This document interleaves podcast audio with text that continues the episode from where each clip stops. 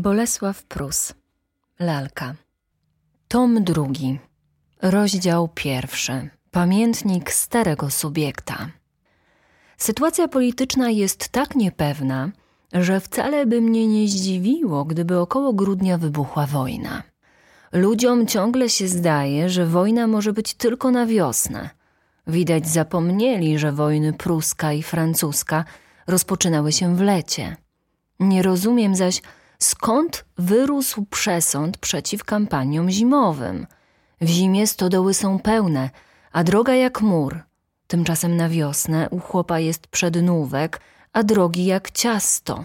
Przejedzie bateria i możesz się w tym miejscu kąpać. Lecz z drugiej strony zimowe noce, które ciągną się po kilkanaście godzin, potrzeba ciepłej odzieży i mieszkań dla wojska, tyfus – Doprawdy nieraz dziękuję Bogu, że mnie nie stworzył moltkiem. On musi kręcić głową nieborak. Austriacy, a raczej Węgrzy, już na dobre wleźli do Bośni i Hercegowiny, gdzie ich bardzo niegościnnie przyjmują. Znalazł się nawet jakiś Hadzi Loja, podobno znakomity partyzant, który im napędza dużo zgryzot. Szkoda mi węgierskiej piechoty – ale też i dzisiejsi Węgrzy diabła warci. Kiedy ich w 49 roku dusił Schwarzbelger, krzyczeli każdy naród ma prawo bronić swojej wolności. A dziś co? Sami pchają się do Bośni, gdzie ich nie wołano, a broniących się Bośniaków nazywają złodziejami i rozbójnikami. Dali Bóg coraz mniej rozumiem politykę. I kto wie, czy Stach Wokulski nie ma racji, że przestał się nią zajmować, jeżeli przestał. Ale co ja rozprawiam o polityce, skoro w moim własnym życiu zaszła ogromna zmiana? Kto by uwierzył, że już od tygodnia nie zajmuję się sklepem? Tymczasowo, rozumie się, bo inaczej chyba oszalałbym z nudów. Rzecz jest taka. Pisze do mnie Stach z Paryża – Prosił mnie o to samo przed wyjazdem, ażebym się zaopiekował kamienicą, którą kupił od Łęckich. Nie miała baba kłopotu. Myślę, ale cóż robić? Zdałem sklep Lisieckiemu i Szlangbaumowi, a sam jazda w Aleje Jerozolimskie na zwiady. Przed wyjściem pytam Klejna, który mieszka w Stachowej kamienicy, aby mi powiedział, jak tam idzie – Zamiast odpowiedzieć, wziął się za głowę. Jest tam jaki rządca? Jest, mówi Klein, krzywiąc się. Mieszka na trzecim piętrze od frontu. Dosyć, mówię, dosyć, panie Klein. Nie lubię bowiem słuchać cudzych opinii pierwej, nim zobaczę na własne oczy. Zresztą Klein, chłopak młody, łatwo mógłby wpaść w zarozumiałość, pomiarkowawszy, że starsi zapytują go o informacje. Ha, trudno. Posyłam tedy do odprasowania mój kapelusz, płacę dwa złote, na wszelki wypadek biorę do kieszeni krucicę i maszeruję gdzieś aż za kościół Aleksandra. Patrzę, dom żółty o czterech piętrach, numer ten sam, ba, nawet już na tabliczce znajduję nazwisko Stanisława Wokulskiego, Widocznie kazał ją przybić stary szlangbaum. Wchodzę na podwórko. Oj, niedobrze. Pachnie bestia jak apteka. Śmietnik naładowany do wysokości pierwszego piętra. Wszystkimi zaś rynsztokami płyną mydliny. Dopiero teraz spostrzegłem, że na parterze w dziedzińcu znajduje się pralnia paryska z dziewuchami jak dwugarbne wielbłądy. To dodało mi otuchy. Wołam tedy: Stróż! Przez chwilę nie widać nikogo. Nareszcie pokazuje się baba tłusta i tak zasmolona, że nie mogę pojąć, jakim sposobem podobna ilość brudu mieści się w sąsiedztwie pralni do tego paryskiej. Gdzie stróż? Pytam, dotykając ręką kapelusza. A czego to? odwarknęła baba. Przychodzę w imieniu właściciela domu. Stróż siedzi w kozie, mówi baba. Za cóż to? O, ciekawy pan, wrzasnęła. Za to, że mu gospodarz pensji nie płaci. Ładnych rzeczy dowiaduje się na wstępie. Naturalnie poszedłem od stróża do rządcy na trzecie piętro. Już na drugim piętrze słyszę krzyk dzieci. Jakieś trzaskanie i głos kobiety wołającej A gałgany, a nic po nie, a masz, a masz. Drzwi otwarte. We drzwiach jakaś jejmość w nieco białym kaftaniku wali troje dzieci rzemieniem, aż świszcze. Przepraszam, mówię, czy nie przeszkadzam? Na mój widok dzieci rozpierzchły się w głąb mieszkania, a jejmość w kaftaniku, chowając za siebie rzemień, zapytała zmieszana. Czy nie pan gospodarz? Nie gospodarz, ale przychodzę w jego imieniu do szanownego małżonka pani, jestem Rzecki. Jejmość chwilę przypatrywała mi się z niedowierzaniem, nareszcie rzekła Wicek, biegnij do składu po ojca, a pan może powoli do saloniku. Między mną i drzwiami wyrwał się obdarty chłopak i dopadłszy do schodów począł zjeżdżać na poręcze na dół. Ja zaś, zażenowany, wszedłem do saloniku, którego główną ozdobę stanowiła kanapa z wyłażącym na środku włosieniem. Oto los rządcy, odezwała się pani, wskazując mi nie mniej obdarte krzesło. Mój mąż służy niby to bogatym panom, a gdyby nie chodził do składu węgli i nie przepisywał u adwokatów, nie mielibyśmy co włożyć w usta. Oto nasze mieszkanie, niech pan spojrzy, mówiła. Za trzy ciupy dopłacamy 180 rubli rocznie. Nagle od strony kuchni doleciało nas niepokojące syczenie. Jejmość w kaftaniku wybiegła, szepcząc po drodze. Kaziu, idź do sali i uważaj na tego pana. Istotnie, weszła do pokoju dziewczynka bardzo mizerna, w brązowej sukience i brudnych pończoszkach. Usiadła na krześle przy drzwiach i wpatrywała się we mnie wzrokiem o tyle podejrzliwym, o ile smutnym. Nigdy bym doprawdy nie sądził, że na stare lata wezmą mnie za złodzieja. Siedzieliśmy tak z pięć minut milcząc i obserwując się wzajemnie, gdy nagle rozległ się krzyk i łoskot na schodach i w tej chwili wbiegł z sieni ów obdarty chłopak zwany Wickiem, za którym ktoś gniewnie wołał. A szelmo, dam ja ci! Odgadłem, że Wicek musi mieć żywy temperament i że ten, kto mu wymyśla, jest jego ojcem.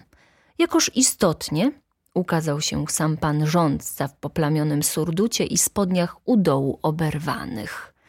Miał przy tym gęsty, szpakowaty zarost i czerwone oczy. Wszedł, grzecznie ukłonił mi się i zapytał – Wszak mam honor z panem Wokulskim? Nie, panie. Jestem tylko przyjacielem i dysponentem pana Wokulskiego. A tak, przerwał mi, wyciągając do uścisku rękę. Miałem przyjemność zauważyć pana w sklepie. Piękny sklep, westchnął. Z takich sklepów rodzą się kamienice, a, a z majątków ziemskich takie oto mieszkania. Pan dobrodziej miał majątek? Spytałem. Ba, ale co tam, zapewne chce pan poznać bilans tej kamienicy, odparł rządca. Otóż powiem krótko. Mamy dwa rodzaje lokatorów. Jedni już od pół roku nie płacą nikomu. Inni płacą magistratowi kary lub zaległe podatki za gospodarza. Przy tym stróż nie odbiera pensji, dach zacieka, cyrkuł ekscytuje nas, ażebyśmy Wywieźli śmiecie. Jeden lokator wytoczył nam proces o piwnicę, a dwóch lokatorów procesuje się o obelgi z powodu strychu. Co się zaś tyczy, dodał po chwili nieco zmieszany, co się zaś tyczy dziewięćdziesięciu rubli, które ja będę winien szanownemu panu Wokulskiemu, nie niepokój się pan, przerwałem mu. Stach to jest pan Wokulski, Zapewne umorzy pański dług do października, a następnie zawrze z panem nowy układ. Ubogi eks-właściciel majątku ziemskiego serdecznie uściskał mi obie ręce. Taki rządca, który miał kiedyś własne dobra, wydał mi się bardzo ciekawą osobistością. Ale jeszcze ciekawszym wydał mi się dom, który nie przynosi żadnych dochodów. Z natury jestem nieśmiały, wstydzę się rozmawiać z nieznanymi ludźmi, a prawie boję się wchodzić do cudzych mieszkań. Boże miłosierny, jak ja już dawno nie byłem w cudzym mieszkaniu. Tym razem jednak wstąpił we mnie jakiś diabeł i koniecznie zapragnąłem poznać lokatorów tej dziwnej kamienicy. W roku 1849 bywało goręcej, a przecież szedł człowiek naprzód. Panie, odezwałem się do rządcy, czy byłbyś łaskaw przedstawić mnie niektórym lokatorom? Stach, to jest pan Wokulski, prosił mnie o zajęcie się jego interesami, dopóki nie wróci z Paryża. Paryż, westchnął rządca. Znam Paryż jeszcze z roku 1859. Pamiętam, jak przyjmowali cesarza, kiedy wracał z kampanii włoskiej. Pan, zawołałem, pan widziałeś triumfalny powrót Napoleona do Paryża? Wyciągnął do mnie ręce i odparł: Widziałem lepszą rzecz, panie. Podczas kampanii byłem we Włoszech i widziałem, jak Włosi przyjmowali Francuzów w wigilię bitwy pod Magentą. Pod Magentą? W roku 1859? spytałem. Pod Magentą, panie. Popatrzyliśmy sobie w oczy z tym eks-obywatelem, który nie mógł zdobyć się na wybawienie plam ze swego surduta. Popatrzyliśmy sobie, mówię, w oczy. Magenta, rok 1859. Ech, Boże miłosierny. Powiedz pan, rzekłem, jak to was przyjmowali Włosi w wigilię bitwy pod Magentą? Ubogi eks-obywatel siadł na wytartym fotelu i mówił: W roku 1859, panie Rzecki, zdaje mi się, że mam honor. Tak, panie, jestem Rzecki, porucznik, panie węgierskiej piechoty, panie. Znowu popatrzyliśmy sobie w oczy. Ech, Boże miłosierny. Mów pan dalej, panie szlachcicu, rzekłem ściskając go za rękę. W roku 1859, prawił eks-obywatel, byłem o 19 lat młodszy niż dziś i miałem z 10 tysięcy rubli rocznie. Na owe czasy, panie Rzecki, co prawda brało się nie tylko procent, ale i coś z kapitału, więc jak przyszło uwłaszczenie, no, rzekłem, chłopi są także ludźmi, panie. Wirski, wtrącił rządca. Panie Wirski, rzekłem, chłopi, wszystko mi jedno, przerwał. Czym są chłopi? Dość, że w roku 1859 miałem z 10 tysięcy rubli dochodu, łącznie z pożyczkami, i byłem we Włoszech. Ciekawy byłem, jak wygląda kraj, z którego wypędzają szwaba. A żem nie miał żony i dzieci, nie miałem dla kogo oszczędzać życia – więc przez amatorstwo jechałem z przednią strażą francuską. Szliśmy pod Magentę, panie Rzecki, choć nie wiedzieliśmy jeszcze ani dokąd idziemy, ani kto z nas jutro zobaczy zachodzące słońce. Pan zna to uczucie, kiedy człowiek niepewny jutra znajduje się w kompanii ludzi również niepewnych jutra? Czy ja znam? Jedź pan dalej, panie Wirski. Niech mnie kaczki zdepczą, mówił ubogi eks-obywatel, że to są najpiękniejsze chwile w życiu. Jesteś młody, wesół, zdrów, nie masz na karku żony i dzieci, pijesz i śpiewasz i co chwilę spoglądasz na jakąś ciemną ścianę, za którą ukrywa się nasze jutro. Hej, wołasz, lejcie mi wina, bo nie wiem, co jest za tą ciemną ścianą. Hej, wina! Nawet pocałunków panie Rzecki, szepnął nachylając się rządca.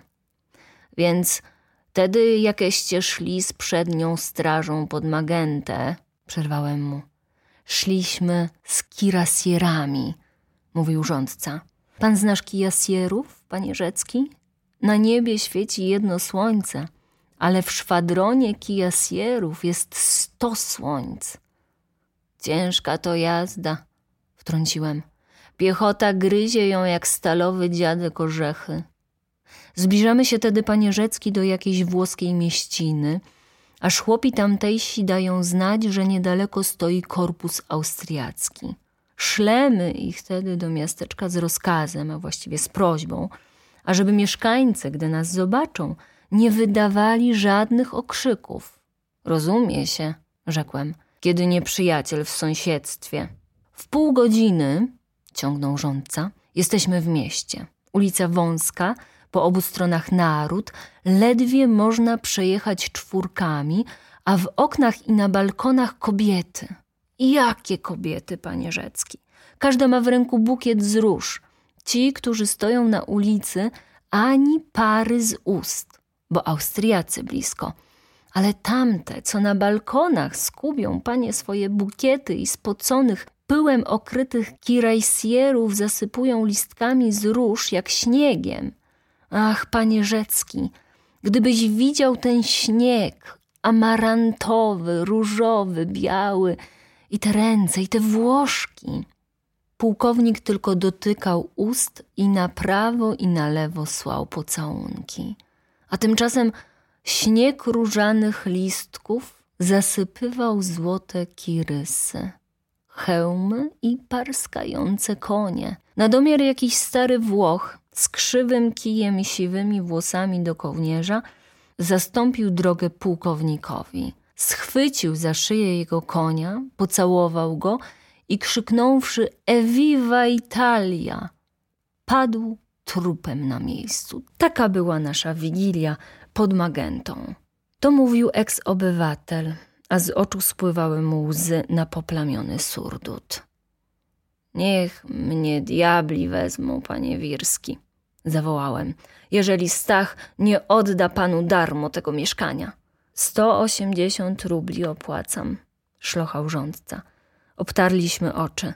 Panie, mówię, magenta magentą, a interes interesem. Może przedstawisz mnie pan kilku lokatorom. Chodź pan, odpowiedział rządca, zrywając się z obdartego fotelu. Chodź pan, pokażę panu najosobliwszych. Wybiegł z saloniku i wtykając głowę do drzwi, zdaje mi się do kuchennych, zawołał Maniu, ja wychodzę, z tobą, Wicek, obrachujemy się wieczorem. Ja nie gospodarz, żeby się tatko ze mną rachował, odpowiedział mu dziecięcy głos. Daruj mu pan, szepnąłem do rządcy. Akurat, odparł. Nie zasnąłby, gdyby nie dostał wałów. Dobry chłopak, mówił. Sprytny chłopak, ale szelma. Wyszliśmy z mieszkania i zatrzymaliśmy się przed drzwiami obok schodów. Rządca ostrożnie zapukał, a mnie wszystka krew uciekła z głowy do serca, a z serca do nóg. Może nawet z nóg uciekłaby do butów i gdzieś het po schodach aż do bramy, gdyby nie odpowiedziano z wnętrza: Proszę. Wchodzimy. Trzy łóżka.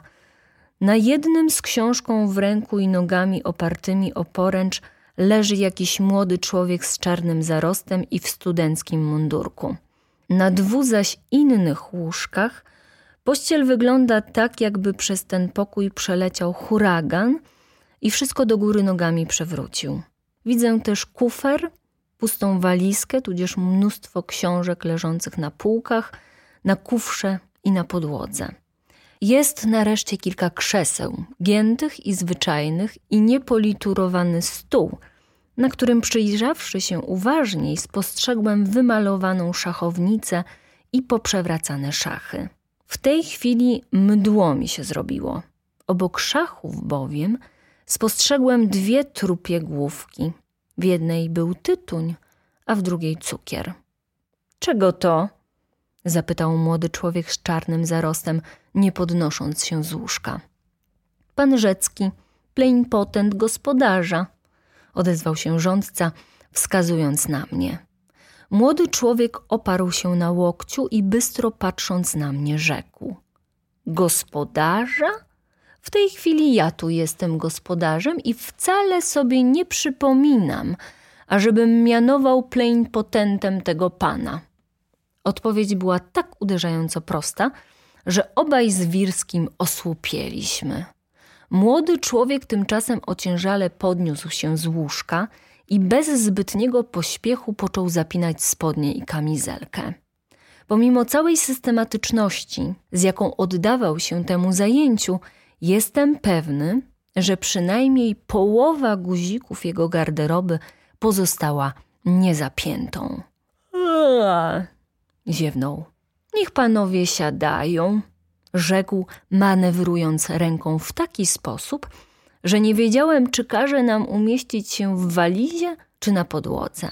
Gorąco, panie Wirski, dodał, prawda?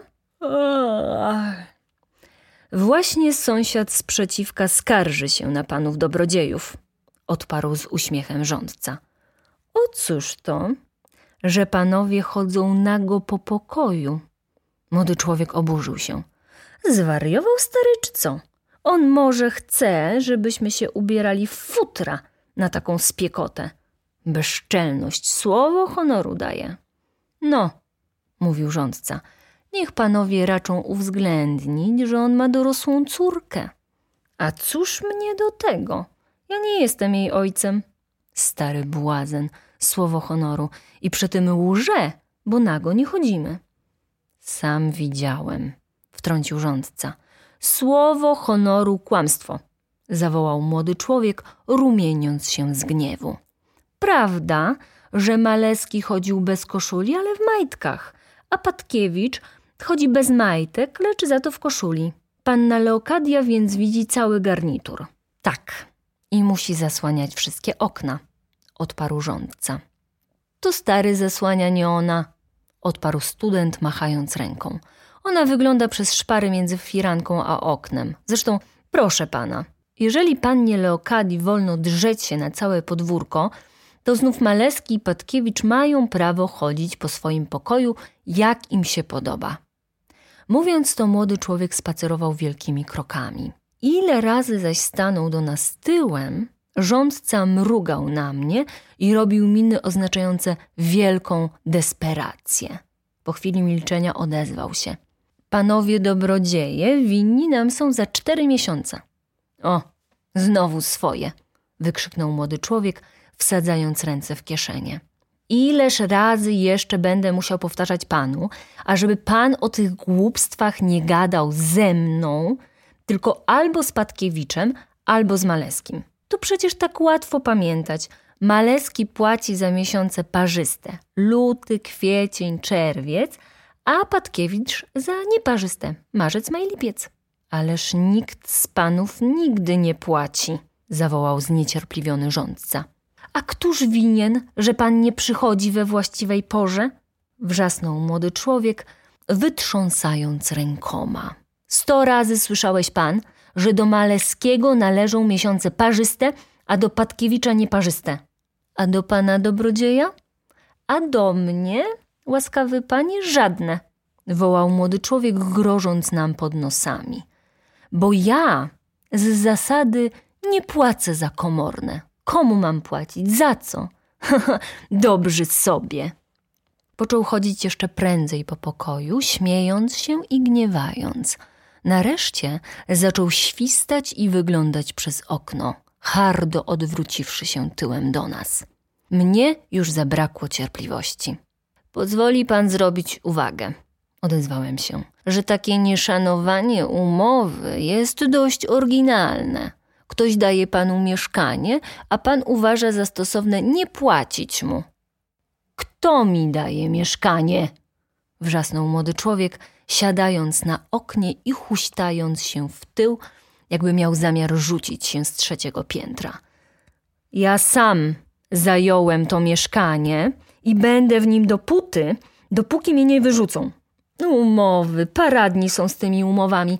Jeżeli społeczeństwo chce, ażebym mu płacił za mieszkanie, to niechaj samo płaci mi tyle za korepetycje, żeby z nich wystarczyło na komorne. Paradni są. Ja za trzy godziny lekcji co dzień mam 15 rubli na miesiąc. Za jedzenie biorą ode mnie 9 rubli. Za pranie i usługę 3, a mundur, a wpis i jeszcze chcą, żebym za mieszkanie płacił. Wyrzućcie mnie na ulicę, mówił zirytowany. Niech mnie złapie hycel, da pałą w łeb, do tego macie prawo, ale nie do uwag i wymówek. Nie rozumiem pańskiego uniesienia, rzekłem spokojnie. Mam się czego unosić, odparł młody człowiek, huśtając się coraz mocniej w stronę podwórka.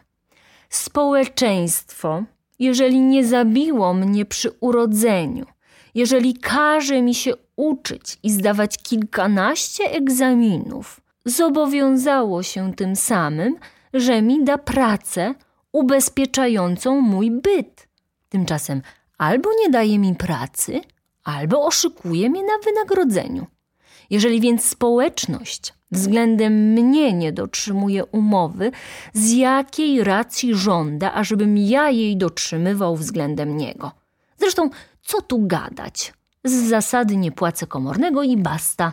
Tym bardziej, że obecny właściciel domu nie budował tego domu, nie wypalał cegieł, nie rozrabiał wapna, nie murował, nie narażał się na skręcenie karku.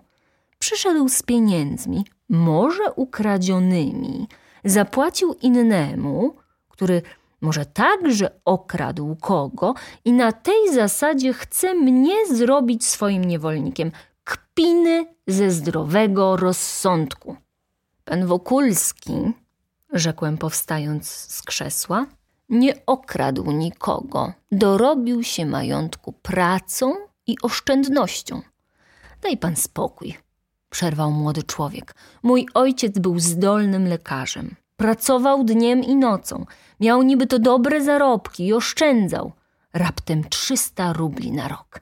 A że wasza kamienica kosztuje 90 tysięcy rubli, więc na kupienie jej za cenę uczciwej pracy mój ojciec musiałby żyć i zapisywać recepty przez 300 lat. Nie uwierzę zaś, ażeby ten nowy właściciel pracował od 300 lat. W głowie zaczęło mi krążyć od tych wywodów. Młody człowiek zaś mówił dalej. Możecie nas wypędzić. Owszem, wtedy dopiero przekonacie się, coście stracili.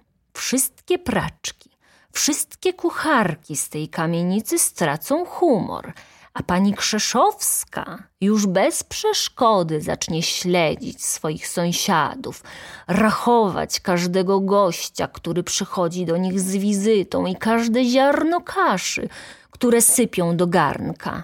Owszem, wypędźcie nas. Wtedy dopiero panna Leokadia zacznie wyśpiewywać swoje gamy i wokalizy z rana sopranem, a po południu kontraltem. I diabli wezmą dom, w którym my jedni jako tako utrzymujemy porządek. Zebraliśmy się do odejścia. Więc pan stanowczo nie zapłaci komornego? spytałem. Ani myślę. Może choć od października zacznie pan płacić. Nie, panie. Niedługo już będę żył, więc pragnę przeprowadzić choćby jedną zasadę. Jeżeli społeczność chce, ażeby jednostki szanowały umowę względem niej, niechaj sama wykona ją względem jednostek. Jeżeli ja mam komuś płacić za komorne, niech inni tyle płacą mi za lekcje, żeby mi na komorne wystarczyło. Rozumie pan? Nie wszystko, panie, odparłem. Nic dziwnego, rzekł młody człowiek. Na starość mózg więdnie i nie jest zdolny przyjmować nowych prawd. Ukłoniliśmy się sobie nawzajem i wyszliśmy obaj z rządcą. Młody człowiek zamknął za nami drzwi, lecz za chwilę wybiegł na schody i zawołał: A niechaj komornik przyprowadzi ze sobą dwustójkowych, bo mnie będą musieli wynosić z mieszkania. Owszem, panie, odpowiedziałem mu z grzecznym ukłonem, myśląc w głębi duszy, że nie godzi się jednak wyrzucać takiego oryginała. Kiedy szczególny młodzieniec ostatecznie cofnął się do pokoju i zamknął drzwi na klucz, dając tym sposobem do zrozumienia, że konferencję z nami uważa za skończoną, zatrzymałem się w połowie schodów i rzekłem do rządcy. Widzę, macie tu kolorowe szyby, co? O, bardzo kolorowe, ale są zakurzone. O, bardzo zakurzone, odparł rządca. I myślę, dodałem, że ten młody człowiek pod względem niepłacenia komornego dotrzyma słowa, co? Panie, zawołał rządca, on to nic. On mówi, że nie zapłaci, no i nie płaci. Ale tamci dwaj nic nie mówią i także nie płacą. To są, panie Rzecki, nadzwyczajni lokatorowie. Oni jedni nigdy nie robią mi zawodu. Mimo woli i nie wiem nawet dlaczego, pokręciłem głową, choć przeczuwam, że gdybym był właścicielem podobnego domu, kręciłbym głową cały dzień. Więc tu nikt nie płaci, a przynajmniej nie płaci regularnie? Zapytałem eks-obywatela. I nie ma się czemu dziwić, odparł pan Wirski. W domu, z którego od tylu lat komorne pobierają wierzyciele, najuczciwszy lokator musi się znarowić. Pomimo to mamy tu kilku bardzo punktualnych, na przykład baronowa Krzeszowska. Co? zawołałem. Ach, prawda, że baronowa tu mieszka. Chciała nawet kupić ten dom. I kupi go, szepnął rządca.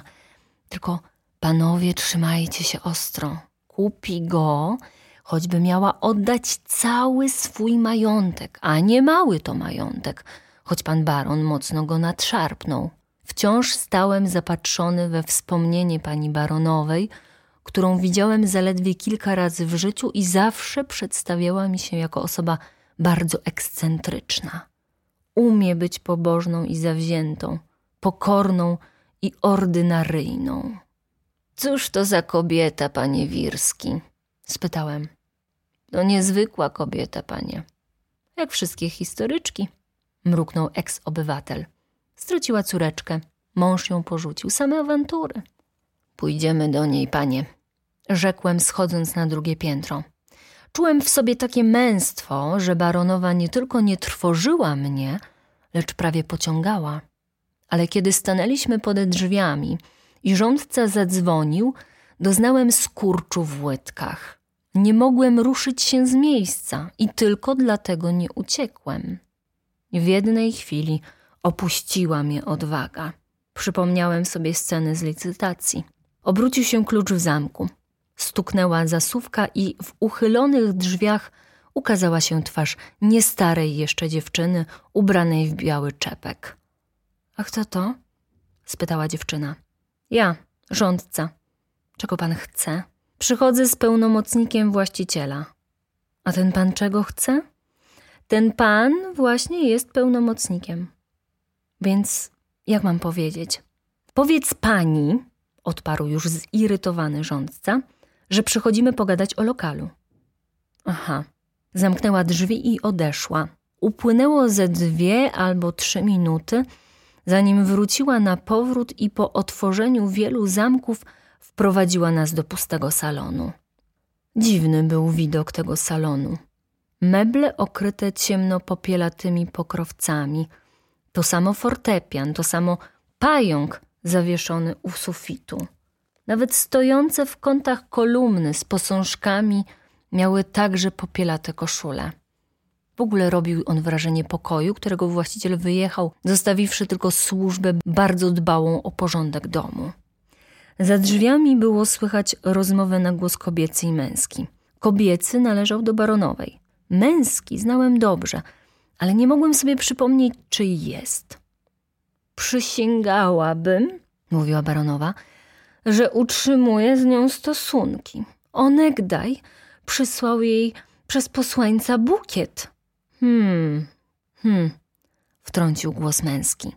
Bukiet, który ta obrzydliwa kokietka dla oszukania mnie kazała natychmiast wyrzucić za okno. Przecież baron na wsi, tak daleko od Warszawy, odparł mężczyzna. Ale ma tu przyjaciół, zawołała baronowa. I gdybym nie znała pana, przypuszczałabym, że pośredniczysz mu w tych bezeceństwach. Ależ pani, zaprotestował głos męski. I w tej samej chwili rozległy się dwa pocałunki, sądzę, że w rękę. No, no, panie Maruszewicz, bez czułości, znam ja was. Obsypujecie pieszczotami kobietę, dopóki wam nie zaufa, a potem trwonicie jej majątek i żądacie rozwodu. Więc to Maruszewicz, pomyślałem. Ładna para. Ja jestem zupełnie inny. Odparł ciszej męski głos za drzwiami i znowu rozległy się dwa pocałunki, z pewnością w rękę. Spojrzałem na eks-obywatela. Podniósł oczy do sufitu, a ramiona prawie do wysokości uszu. Frant! szepnął, wskazując na drzwi. Znasz go pan? Ba. Więc, mówiła baronowa w drugim pokoju, niechże pan zaniesie do świętego krzyża te dziewięć rubli na trzy wotywy, na intencje, ażeby Bóg go upamiętał. Nie, dodała po chwili nieco zmienionym głosem. Niech będzie jedna wotywa za niego, a dwie za duszę mojej nieszczęśliwej dzieweczki. Przerwało jej ciche szlochanie. Niechże się pani uspokoi, łagodnie reflektował ją Maruszewicz. Idź pan już, idź, odparła. Nagle otworzyły się drzwi salonu, jak wryty stanął na progu Maruszewicz, za którym ujrzałem żółtawą twarz i zaczerwienione oczy pani baronowej. Rządca i ja podnieśliśmy się z krzeseł. Maruszewicz cofnął się w głąb drugiego pokoju i widocznie wyszedł innymi drzwiami, a pani baronowa zawołała gniewnie: Marysia, Marysia! Wbiegła dziewczyna w białym jak wyżej czepeczku, w ciemnej sukni i białym fartuchu. W ubraniu tym wyglądałaby na dozorczynię chorych, gdyby jej oczy nie rzucały za wiele iskier. Jak mogłaś wprowadzić tu tych panów? zapytała ją baronowa. Pani przecie kazała prosić. Głupia, precz! syknęła baronowa. Następnie zwróciła się do nas. Czego pan chce, panie Wirski? Pan Rzecki jest potentem właściciela domu, odparł rządca. A, a, to dobrze, mówiła baronowa powoli wchodząc do salonu i nie prosząc nas, żebyśmy usiedli. Rysopis tej damy. Czarna suknia, żółtawa twarz, sinawe usta, zaczerwienione z płaczu oczy i włosy gładko uczesane.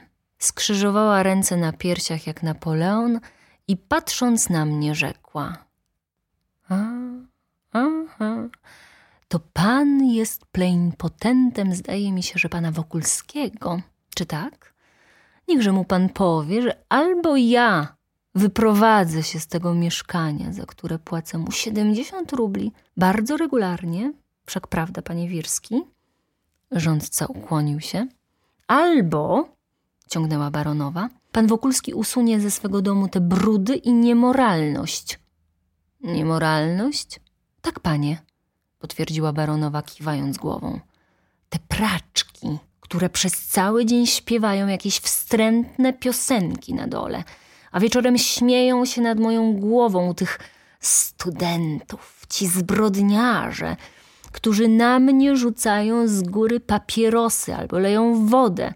Ta nareszcie pani Stawska, o której nie wiem czym jest, wdową czy rozwódką, ani z czego się utrzymuje, ta pani bałamuci mężów żoną cnotliwym, a tak strasznie nieszczęśliwym.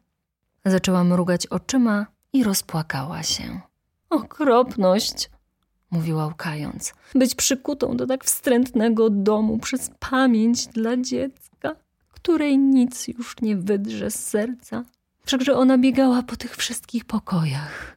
Ona bawiła się tam od podwórza i wyglądała oknem, przez które mnie, matce sierocie, wyjrzeć dzisiaj nie wolno. Chcą mnie wypędzić stąd. Wszyscy chcą mnie wypędzić. Wszystkim zawadzam. Przecież ja stąd nie mogę wyprowadzić się, bo każda deska tej podłogi nosi ślady jej nóżek w każdej ścianie, uwiązł jej śmiech albo płacz. Upadła na kanapę i zaniosła się od łukania. Ach, płakała.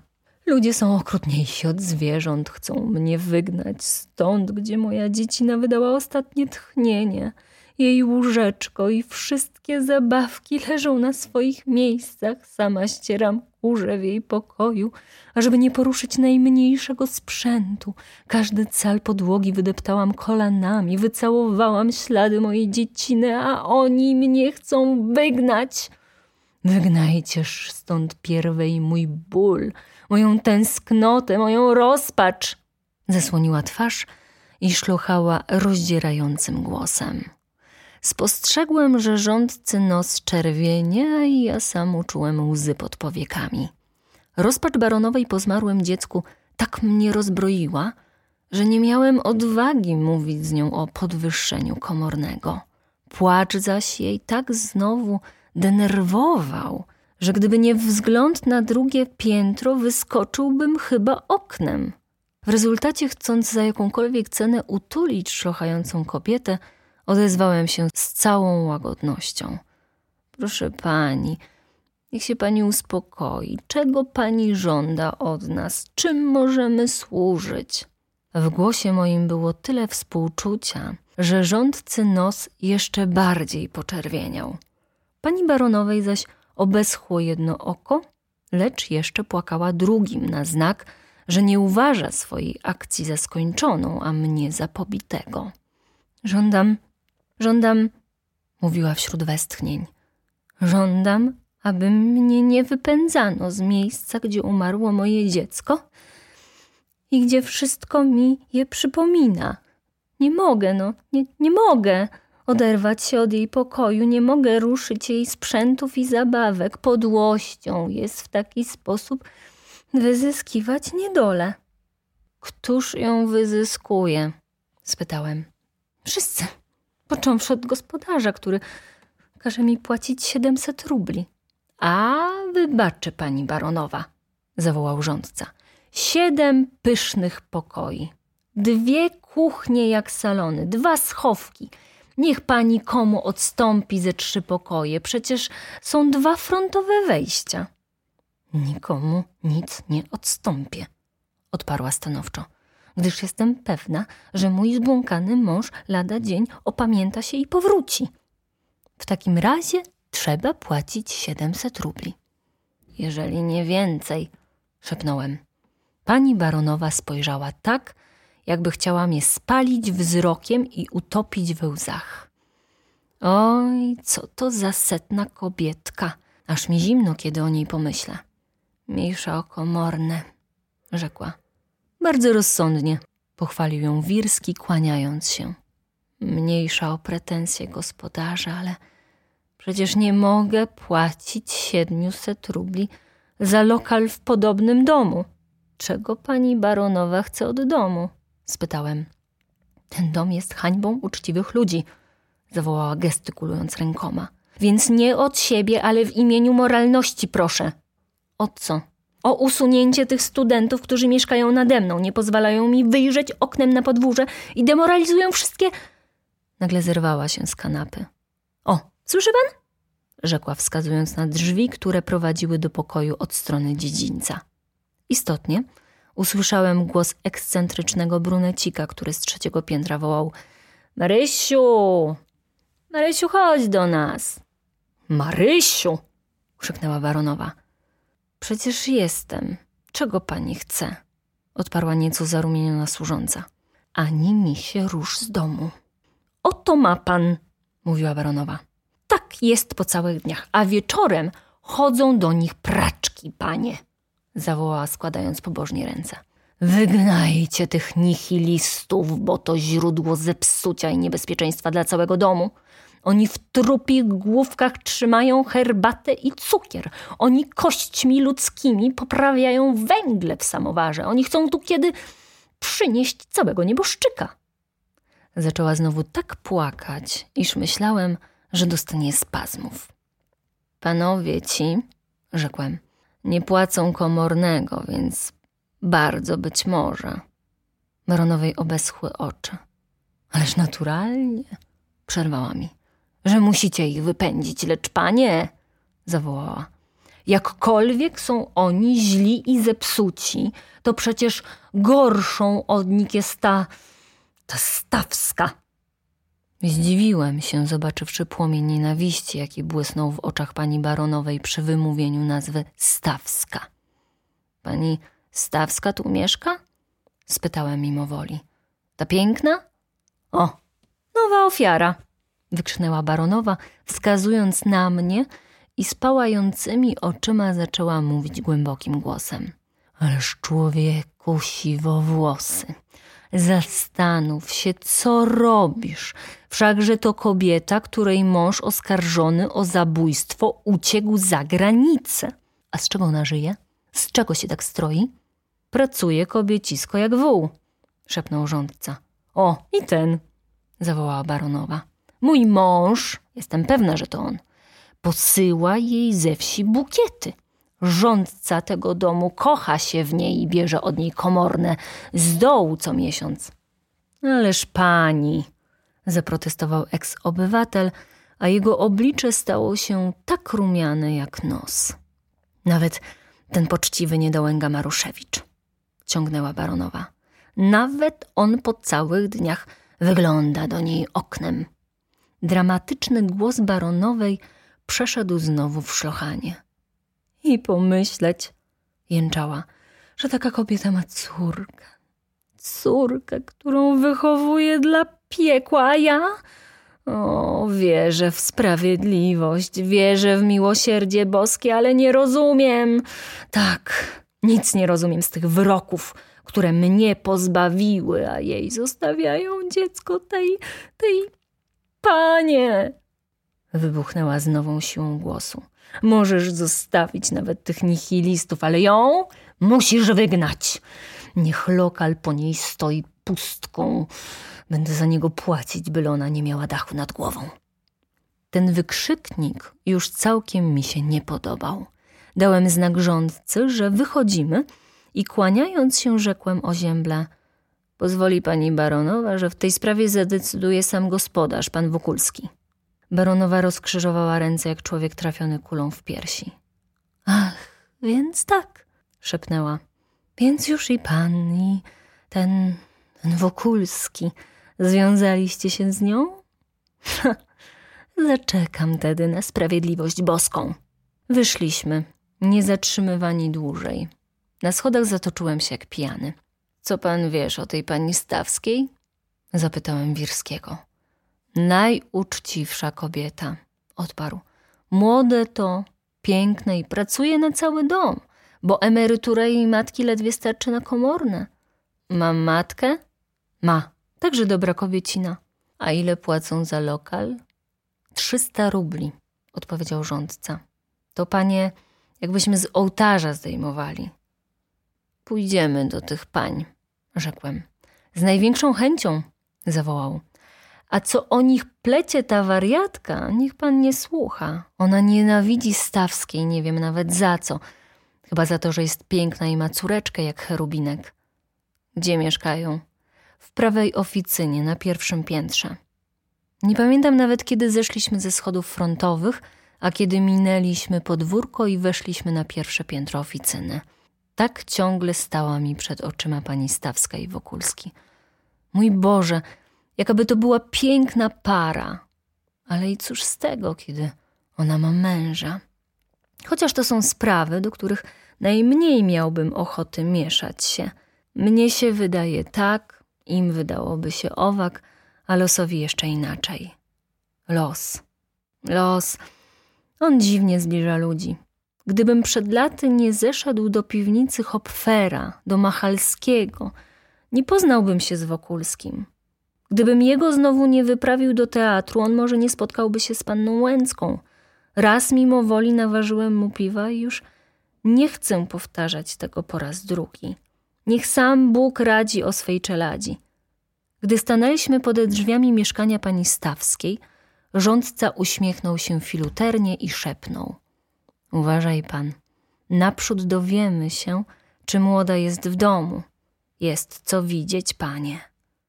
Wiem, wiem. Rządca nie dzwonił, ale zapukał raz i drugi. Nagle drzwi otworzyły się dość gwałtownie i stanęła w nich gruba i niska służąca z zawiniętymi rękawami i z mydłem na rękach, których mógłby jej pozazdrościć atleta. O, to pan rządca, zawołała. Myślałam, że znowu jaki tam cóż, dobijał się kto? spytał Wirski z akcentem oburzenia w głosie. Nie, nie dobijał się nijaki, schłopska odparła służąca. I no jeden przysłał dziś bukiet. Mówią, że to ten Maruszewicz sprzeciwka. Łotr, syknął rządca. Mężczyzny wszystkie takie. Niech mu się co podoba, to zaraz będzie lazu, jak ćma w ogień. A panie obie są? spytał Wirski. Gruba służąca spojrzała na mnie podejrzliwie. Pan rządca z tym panem? Z tym panem. To plenipotent gospodarza. A młody on czy stary? Badała dalej, przypatrując mi się jak sędzia śledczy. Widzisz przecież, że stary, odparł rządca. W średnim wieku, wtrąciłem. Oni, dali Bóg, niedługo piętnastoletnich chłopców zaczną nazywać starymi. Są obie, panie, mówiła służąca. Tylko co do pani młodszej, przyszła jedna dziewczynka wydawać lekcje, ale pani starsza jest w swoim pokoju. Py, mruknął rządca. Wreszcie powiedz pani starszej. Weszliśmy do kuchni, gdzie stała balia pełna mydlin i dziecinnej bielizny. Na sznurze zawieszonym w pobliżu komina suszyły się również dziecinne spódniczki, koszule i pończoszki. Jak to zaraz znać, że w mieszkaniu jest dziecko. Spoza uchylonych drzwi usłyszeliśmy głos już starszej kobiety. Z rządcą? Jakiś pan? mówiła niewidzialna dama. Może to Ludwiczek, bo akurat śnił mi się. Niech panowie idą, rzekła służąca, otwierając drzwi do saloniku. Salonik nieduży, koloru perłowego, szafirowe sprzęty, pianino, w obu oknach pełno kwiatów białych i różowych, na ściana premia Towarzystwa Sztuk Pięknych, na dole lampa ze szkłem w formie tulipana. Po cmentarnym salonie pani Krzeszowskiej z meblami w ciemnych pokrowcach wydało mi się tu weselej. Pokój wyglądał jakby oczekiwano na gościa, ale jego sprzęty zanadto symetrycznie ustawione dookoła stołu świadczyły, że gość jeszcze nie przyjechał. Po chwili z przeciwległych drzwi wyszła osoba w wieku poważnym, ubrana w popielatą suknię. Uderzył mnie prawie biały kolor jej włosów, obok twarzy mizernej, lecz niezbyt starej i bardzo regularnej. Rysy tej damy były mi gdzieś znajome. Tymczasem rządca zapiął swój poplamiony surdut na dwa guziki i ukłoniwszy się z elegancją prawdziwego szlachcica, rzekł: Pozwoli pani zaprezentować pan Rzecki, plenipotent naszego gospodarza, a mój kolega. Spojrzeliśmy sobie obaj w oczy. Wyznaję, że byłem trochę zdziwiony naszym koleżeństwem. Wirski spostrzegł to i dodał z uśmiechem. Mówię kolega, gdyż obaj widzieliśmy równie ciekawe rzeczy, będąc za granicą. Szanowny pan był za granicą, no proszę, odezwała się staruszka. W roku 1849 i nieco później, wtrąciłem. A czy szanowny pan nie zetknął się gdzie przypadkowo z Ludwikiem Stawskim? Ależ pani dobrodziejko, zawołał Wirski, śmiejąc się i kłaniając. Pan Rzecki był za granicą przed trzydziestu laty, a zięć pani wyjechał dopiero przed czterema. Staruszka machnęła ręką, jakby odganiając muchę. Prawda, rzekła.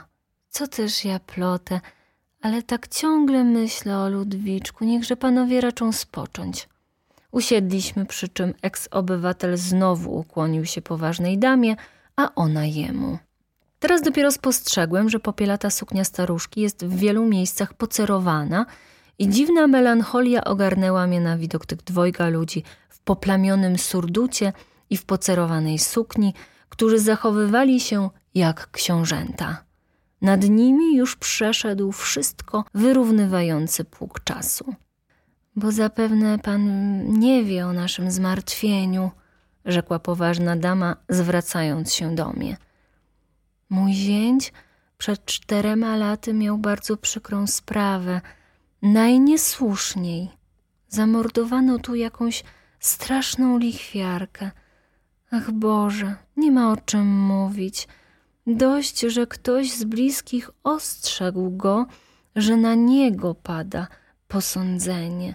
Najniewinniej, panie Rzecki, wtrącił eks-obywatel najniesprawiedliwiej, panie Rzecki. No i on, biedak, uciekł za granicę. W roku zeszłym znalazł się istotny morderca.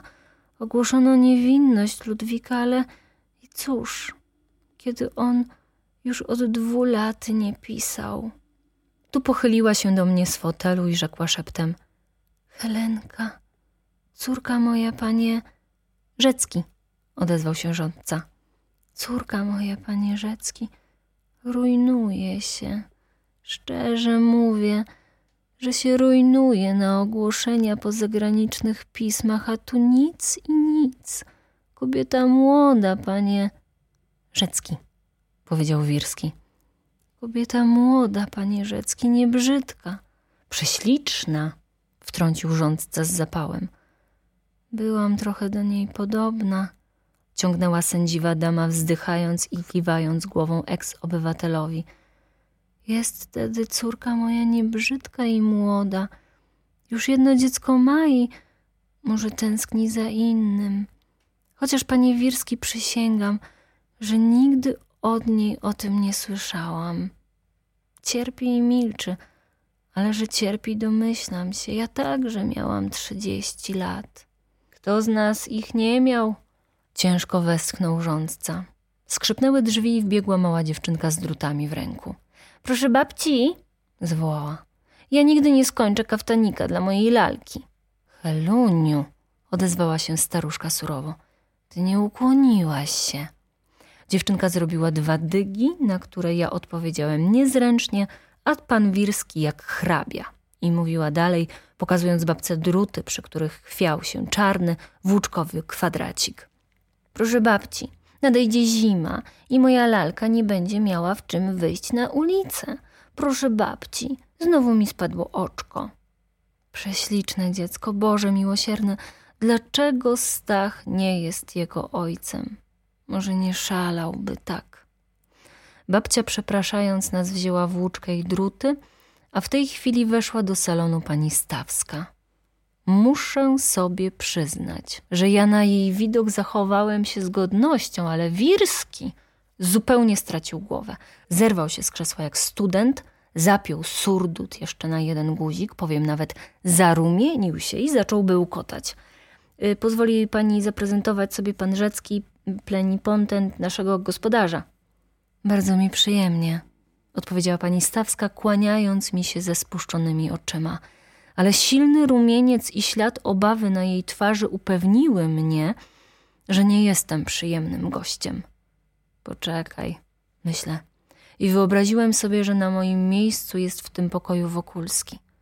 Poczekaj, zaraz cię przekonam, że nie masz się nas czego lękać.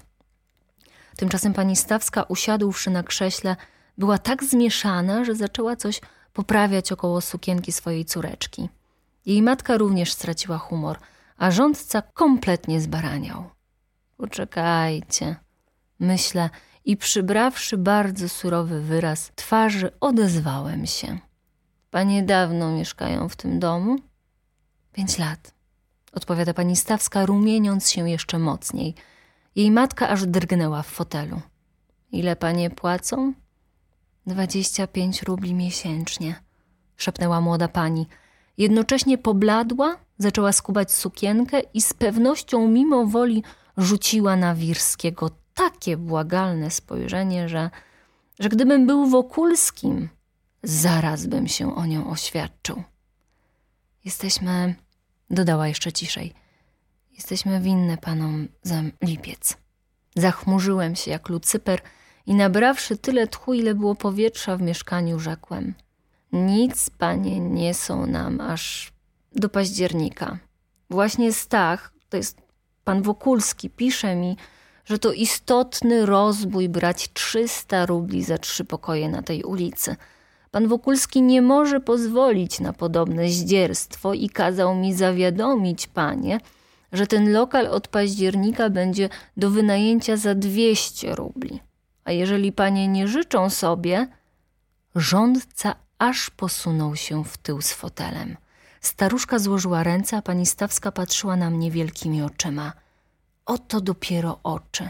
I jak ona nimi umie patrzeć. Przysięgam, że gdybym był Wokulskim, oświadczyłbym się jej na poczekaniu. Z męża już pewnie nie ma nawet kosteczki, jeżeli nie pisał przez dwa lata. Wreszcie, od czego są rozwody? Na co Stach ma taki majątek?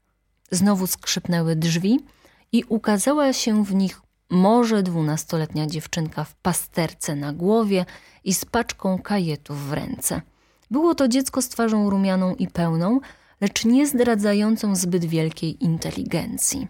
Ukłoniła się nam, Ukłoniła się pani Stawskiej i jej matce, ucałowała w oba policzki małą Helenkę i wyszła, oczywiście do domu.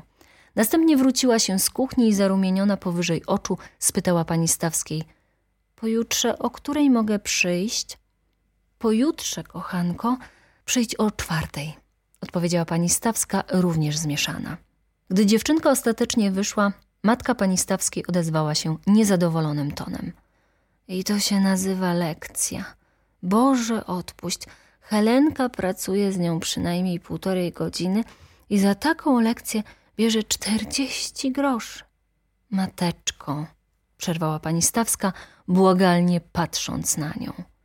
Gdybym był Wokulskim, już bym z nią wracał od ślubu. Co to za kobieta? Co za rysy? Co za gra fizjognomii? W życiu nie widziałem nic podobnego. A rączka, a figurka, a wzrost, a ruchy, a oczy, oczy! Po chwili kłopotliwego milczenia odezwała się znowu młoda pani. Bardzo jesteśmy wdzięczne panu Wokulskiemu za warunki, na jakich zostawia nam ten lokal – jest to chyba jedyny wypadek, ażeby gospodarz sam zniżał komorne, ale nie wiem, czy wypada nam korzystać z jego uprzejmości. To nie uprzejmość pani, to uczciwość szlachetnego człowieka, trącił rządca. Mnie pan Wokulski również zniżył komorne i przyjąłem. Ulica, proszę pani, trzeciorzędna, ruch mały. Ale o lokatorów na niej łatwo, wtrąciła pani Stawska. Wolimy dawnych, znanych nam ze spokojności i porządku, powiedziałem. Ma pan słuszność, pochwaliła mnie siwowłosa dama. Porządek w mieszkaniu to pierwsza zasada, której przestrzegamy. Nawet jeżeli Helunia potnie kiedy papierki i rzuci je na podłogę, zaraz zamiata je Franusia. Przecie ja proszę babci wycinam tylko koperty, bo piszę list do tatki, ażeby już wracał. Odezwała się dziewczynka. Po obliczu pani Stawskiej przeleciał cień jakby żalu i zmęczenia. I nic? Żadnej wiadomości? spytał rządca. Młoda pani zwolna potrząsnęła głową. Nie jestem pewny, czy nie westchnęła, ale tak cicho. Oto los młodej, niebrzydkiej kobiety, zawołała starsza dama. Nie panna, nie mężatka, mateczko, nie wdowa, nie rozwódka, słowem nie wiadomo co i nie wiadomo za co. Ty, Helenko, mów sobie co chcesz, ale ja ci powiadam, że Ludwik już nie żyje. Mateczko, mateczko. Tak, ciągnęła matka z uniesieniem.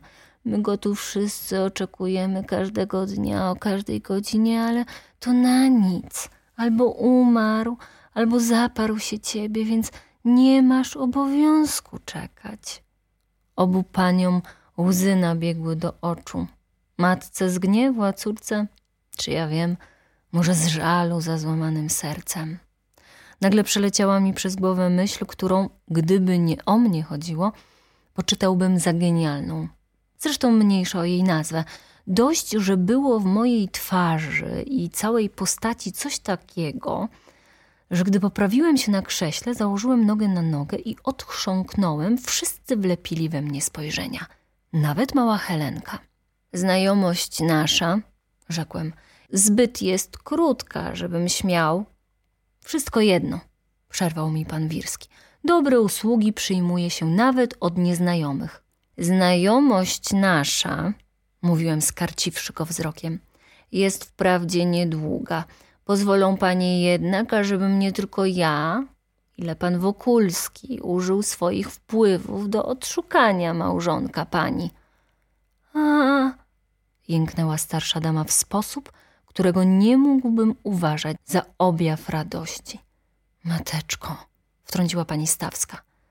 Eluniu, rzekła babcia stanowczo, idź do swojej lalki i rób jej kaftanik. Oczko już znalazłam, idź. Dziewczynka była trochę zdziwiona, może nawet zaciekawiona, ale ucałowała ręce babci i matce i wyszła ze swymi drutami. Proszę pana, ciągnęła staruszka, jeżeli mamy mówić szczerze, to mnie nie tyle chodzi, to jest nie wierzę, ażeby Ludwik żył, kto przez dwa lata nie pisze, mam o dość. O nie, przerwała matka. Jeżeli ty jeszcze nie czujesz swego położenia, to już ja je rozumiem. Nie można żyć z taką wieczną nadzieją czy groźbą. Mamo droga, o moim szczęściu i obowiązkach ja tylko mam prawo. Nie mów mi o szczęściu, wybuchnęła matka. Ono skończyło się w dniu, kiedy twój mąż uciekł przed sądem, który dowiedział się o jakichś ciemnych jego stosunkach z lichwiarką. Że był niewinny, wiem, na to gotowa byłam przysiąc, ale nie rozumiem ani ja, ani ty. Po co on u niej bywał? Mamo, przecież ci panowie są obcy, zawołała z desperacją pani Stawska. Ja obcy? spytał rządca tomem wymówki, ale powstał z krzesełka i ukłonił się. I pan nie jesteś obcy i ten pan, rzekła staruszka, wskazując na mnie. To musi być uczciwy człowiek. Teraz ja ukłoniłem się. Więc mówię panu, ciągnęła staruszka, bystro patrząc mi w oczy. Żyjemy w ciągłej niepewności co do mego zięcia i niepewność ta zatruwa nam spokój, ale ja, wyznam szczerze, więcej boję się jego powrotu. Pani Stawska zasłoniła twarz chustką i wybiegła do swego pokoju. Płacz sobie, płacz, mówiła grożąc za nią rozdrażniona staruszka. Takie łzy, chociaż bolesne, lepsze są od tych, które co dzień wylewasz. Panie, zwróciła się do mnie, przyjmę wszystko, co nam Bóg zeszle, ale czuję, że gdyby ten człowiek wrócił, zabiłby do reszty szczęście mojego dziecka. Przysięgnę, dodała ciszej, że ona go już nie kocha, choć sama nie wie o tym, ale jestem pewna, że pojechałaby do niego, gdyby ją wezwał. Tłumione łkanie przerywało jej mowę. Spojrzeliśmy po sobie z Wirskim i pożegnaliśmy sędziwą damę. Pani, rzekłem na odchodnym, nim roku płynie, przyniosę wiadomość o jej zięciu. A może, szepnąłem z mimowolnym uśmiechem, sprawy ułożą się tak, że wszyscy będziemy zadowoleni, wszyscy, nawet ci, których tu nie ma. Staruszka spojrzała na mnie pytającym wzrokiem, ale nic nie odpowiedział. Jeszcze raz pożegnałem ją i wyszliśmy obaj z rządcą, nie dopytując się już o panią Stawską. A niechże pan zagląda do nas choćby co wieczór, zawołała sędziwa dama, gdy już byliśmy w kuchni. Naturalnie, że będę zaglądał. Czy uda mi się moja kombinacja ze Stachem? Bóg raczy wiedzieć. Tam, gdzie serce wchodzi w grę, na nic wszelkie rachuby. Ale spróbuję rozwiązać ręce kobiecie. A i to coś znaczy. Po opuszczeniu mieszkania pani Stawskiej i jej matki rozeszliśmy się z rządcą domu bardzo z siebie zadowoleni. To jakiś dobry człeczyna, ale kiedy wróciwszy do siebie, zastanowiłem się nad skutkami mego przeglądu lokatorów, ażem się schwycił za głowę. Miałem uregulować finanse kamienicy i otóż uregulowałem je tak, że na pewno dochód zmniejszył się o 300 rubli rocznie. Ha, może tym rychlej Stach opatrzy się i sprzeda swój nabytek, który wcale nie był mu potrzebny. Ir wciąż mi nie domaga. Polityka stoi w jednej mierze. Ciągła niepewność. Koniec rozdziału pierwszego. Ciąg dalszy nastąpi.